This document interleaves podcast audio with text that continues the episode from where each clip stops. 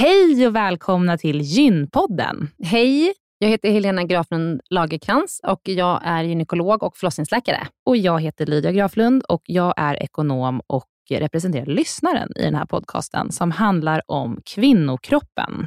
Det är vetenskaplig fakta om kvinnokroppen och det du hör i den här podden är det som man kan höra om man får träffa en läkare eller en barnmorska i ett eh, möte. Men ibland så bjuder vi in gäster som berättar om sina personliga erfarenheter och ibland är det också spekulation, men då är det verkligen tydligt att det är spekulation. Annars är grunden för den här podden vetenskaplig fakta om kvinnokroppen. Så är det. Hoppas att ni vill lyssna. Välkomna. Välkomna.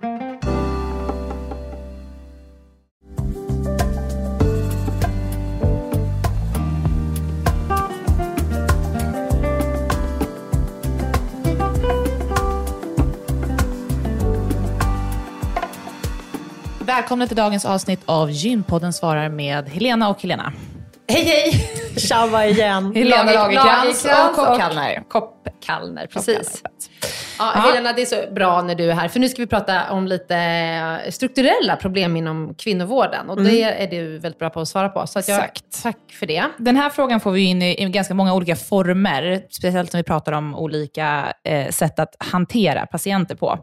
Men eh, summa summarum är, varför skiljer sig kvinnovården åt så mycket i landet och vad kan man som patient göra om man inte får den vård man upplever att man är i behov av?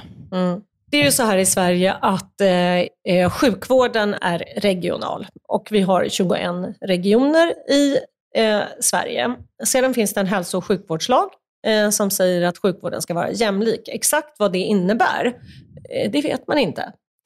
Eh, eh det finns också en lag att sjukvården ska vara behovsstyrd. Eh, och exakt vad det innebär, det vet man inte heller. Eh, det som gör saken ännu mer okomplicerad, det, det är liksom att det går liksom inte att stämma en region, så att säga. Att eh, släpa en region inför rätta och hävda att det inte är jämlik vård, att de inte bedriver jämlik vård. Och det innebär ju liksom att den här lagen är helt tandlös. Eh, och tillsynsmyndigheten, Socialstyrelsen, tittar ju inte överhuvudtaget på det här, om det är liksom jämlik vård över landet och har inte definierat vad det är eller någonting sånt. Eh, Eh, sedan har ju staten gått in då, för vissa saker har man infört vårdgaranti till exempel och staten har skjutit till medel för till exempel förlossningsvården och så. Men det är aldrig så att staten kan gå in och tala om exakt vad regionen ska göra för pengarna. Eh, utan eh, det är ofta så då att man ger istället pengarna till SKR som är stat, eh, det är Sveriges eh, kommuner, Sveriges och regioner. kommuner och regioner. Eh, som egentligen är en intresseorganisation, det vill säga det är ju regionerna som sitter där och bestämmer vad SKR ska hålla på med. Så att det blir liksom ett slags moment 22. Man kommer aldrig undan att man är i regionens våld. Eh, det man dock kan göra inom kvinnosjukvård, eh, det är eh, att det finns en lagstiftning i Sverige som gör att man kan söka var som helst för öppenvårdsåtgärder. Det vill säga allting som kan hanteras utan att man läggs in på sjukhus. Det har du rätt att söka var som helst i landet.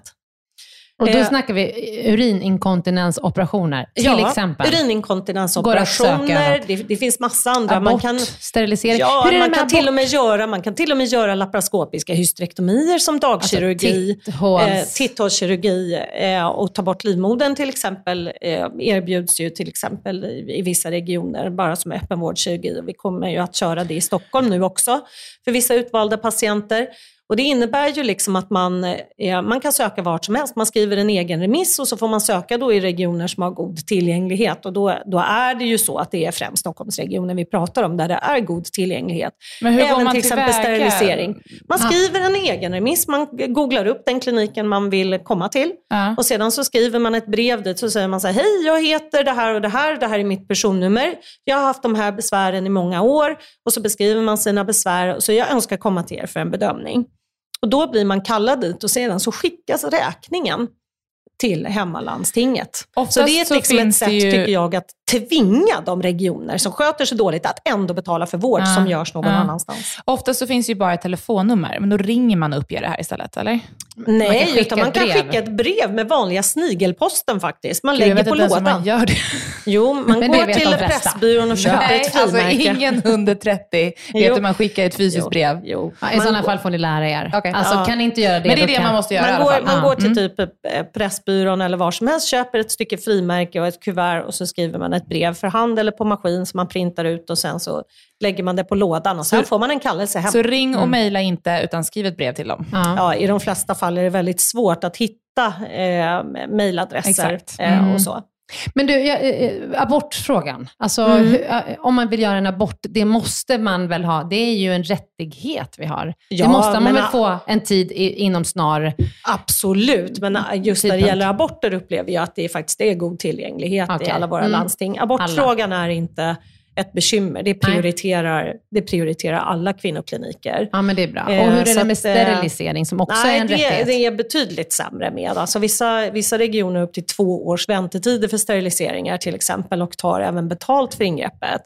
Och det är definitivt ett dagkirurgiskt ingrepp som du kan göra i till exempel Stockholm och åka ner över dagen. Mm. Eh, så att, eh, Men det är ju, jag som sitter och jobbar med patienter i hela landet, Mm. alltså det är ju med sorg som jag träffar många som är så här, mycket stor sorg. jag har Ja, inte när du träffat jobbar en- digitalt när på jag jobbar SD Care. di- Ja. Mm. Jag har inte träffat en, en gynekolog på så många år, Mm. skrivit egenremisser, de studsar, går till vårdcentralen, Mm. de kan inte hjälpa mig. Nej. Vad ska jag göra? Ja. Och det slutar ju oftast med att man säger så här, kom till Stockholm. Och då säger de så här, ja jag bor ju i Piteå, men min son bor ju i Västerås, så jag kan väl passa på att åka till Stockholm Ja, ändå hälsar exakt. på honom. Det är mycket sånt. Men det är De flesta passerar Ja, ändå. Arlanda liksom någon gång och då kan man liksom i anslutning till Ja, det eller så.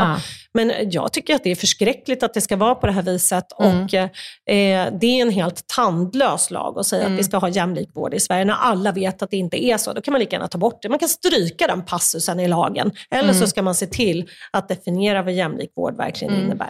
Vad kan man som patient göra mot politikerna? Nej, men man kan kräva bot och bättring. Mm. eh, tycker jag. Men jag tycker det, det, det som faktiskt talar mest, det är ju ändå pengar.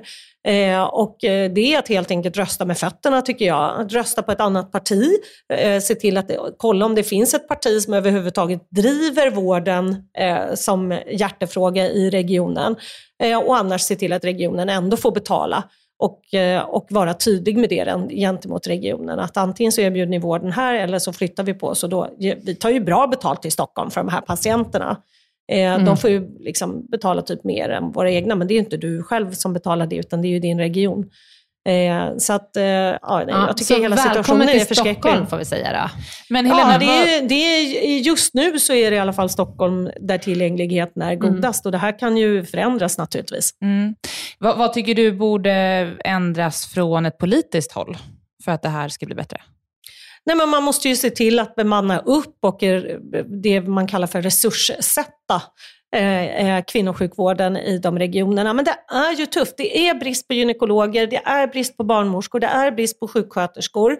Eh, och de regioner då som, som ligger avvikt till kan man ju säga, de har ännu svårare att hitta personal eh, och det blir väldigt dyrt och det blir mycket stafettlösningar och så. Så det här är ingen lätt nöt att knäcka.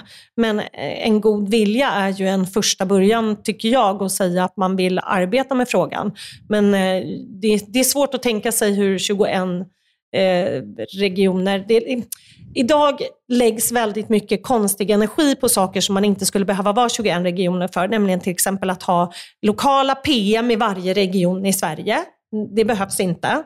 Eh, det är mycket liksom rutiner och sådana saker som ska göras på varje region. Alltså vi, vi tappar väldigt mycket pengar i onödigt arbete där alla ska uppfinna sitt eget hjul. Tid. Så Ja, mycket tid vi lägger på detta. Det- I och med pengar. tid så är det Ja. pengar. Ja, pengar som skulle kunna läggas på vård istället. Ja. Vi har ett problem här.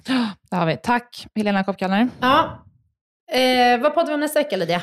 Nästa vecka så poddar vi om ny forskning om PCOS. Ja, jättespännande. Elisabeth Sterner Victorin kommer hit och eh, hon är forskare om, eh, i, i, inom PCOS sjukvården. Och det ska bli jättespännande, för mm. det har kommit mycket nytt. Senast igår läste jag någonting om att söner till kvinnor med PCOS ök, löper ökad risk för... Du läste det i vår slacktråd där jag postade om det, för jag hade hört det på Nyhetsmorgon. Ja, mm. men jag läste det också på ett annat ställe. ökad risk för hjärt-kärlsjukdom antar jag. Vad sa du? Ökad risk för hjärt-kärlsjukdom. Ja, och diabetes och övervikt. Mm. Ja, det blir spännande att prata om det. Mm. Bra. Eh, tack för idag Helena. Tack så mycket.